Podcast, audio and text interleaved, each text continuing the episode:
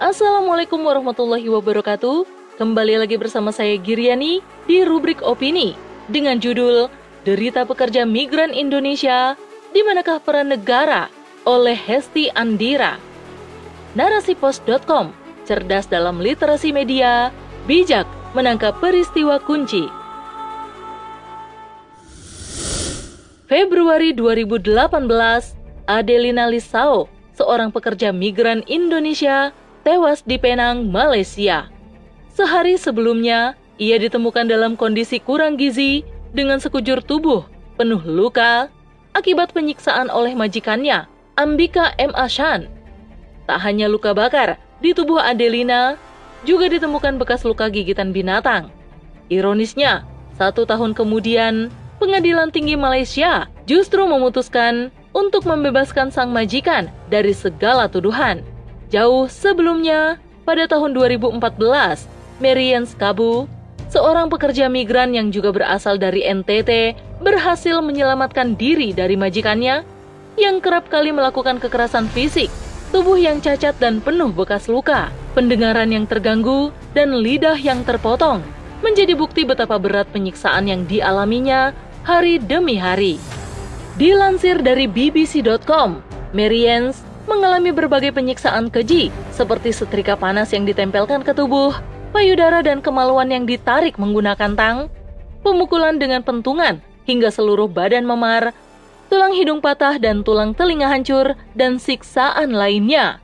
Ia berusaha bertahan hidup melewati delapan tahun penuh derita, mengalami penganiayaan berat yang di luar batas kemanusiaan. Marians dan Adelina adalah dua contoh dari jutaan kasus penganiayaan yang rawan dihadapi para pekerja migran asal Indonesia.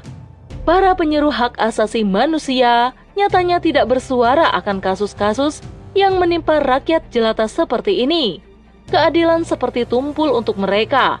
Para majikan penyiksa justru difonis tidak bersalah meskipun penyiksaan yang dilakukan para majikan jelas-jelas tidak manusiawi dan mengakibatkan korban cacat, bahkan meninggal.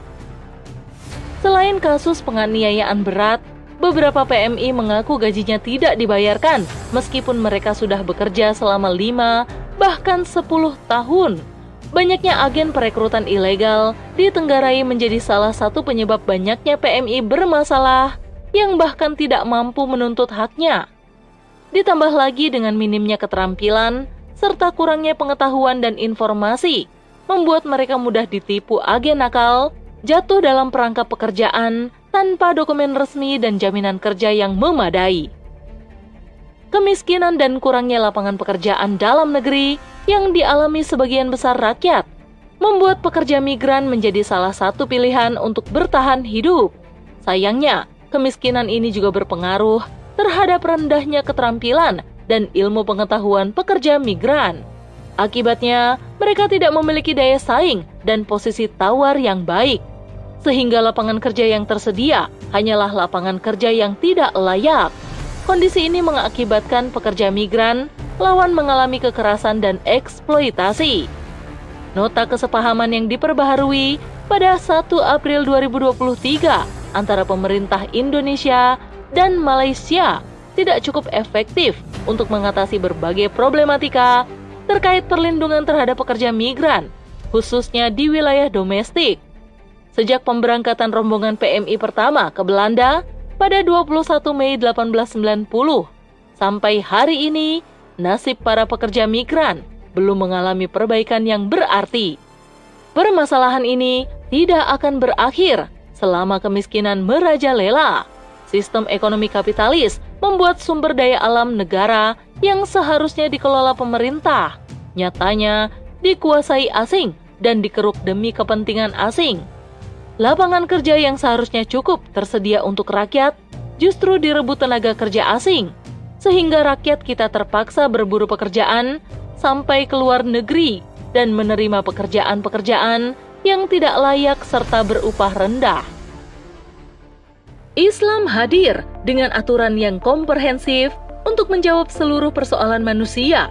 Islam memiliki sistem ekonomi yang mampu menjamin kesejahteraan rakyat dan juga membuka lapangan kerja yang luas sehingga mampu mengentaskan kemiskinan. Dengan sistem ekonomi Islam, negara akan mampu memenuhi berbagai kebutuhan dasar yang menjadi hak rakyat.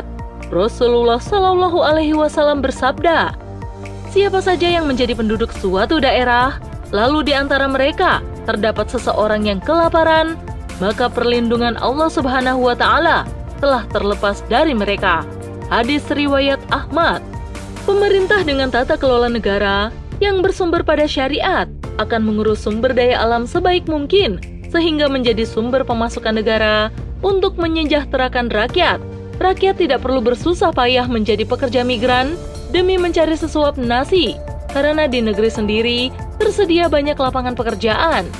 Ibnu Abbas menuturkan bahwa Rasulullah Shallallahu Alaihi Wasallam pernah bersabda, kaum Muslim bersekutu dalam tiga hal: air, padang, dan api. Hadis riwayat Ibnu Majah. Sumber daya alam yang terdapat di suatu negara tidak boleh menjadi milik individu tertentu dan harus dikelola oleh negara.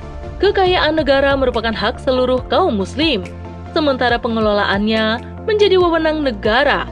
Pengelola negara akan membuat kebijakan semata-mata demi kepentingan rakyat dan tidak keluar dari koridor syariat. Dengan demikian, rakyat akan menjadi sejahtera tanpa perlu mencari peruntungan sampai ke luar negeri. Pemerintah akan memastikan para pekerja memiliki pengetahuan dan keterampilan yang layak dalam dunia kerja.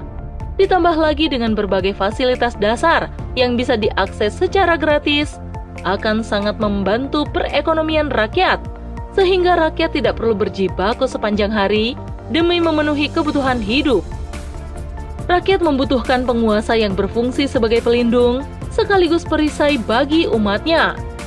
Hal ini hanya akan terjadi jika syariat Islam diberlakukan dalam segala hal. Wallahu a'lam bishawab. Wassalamualaikum warahmatullahi wabarakatuh.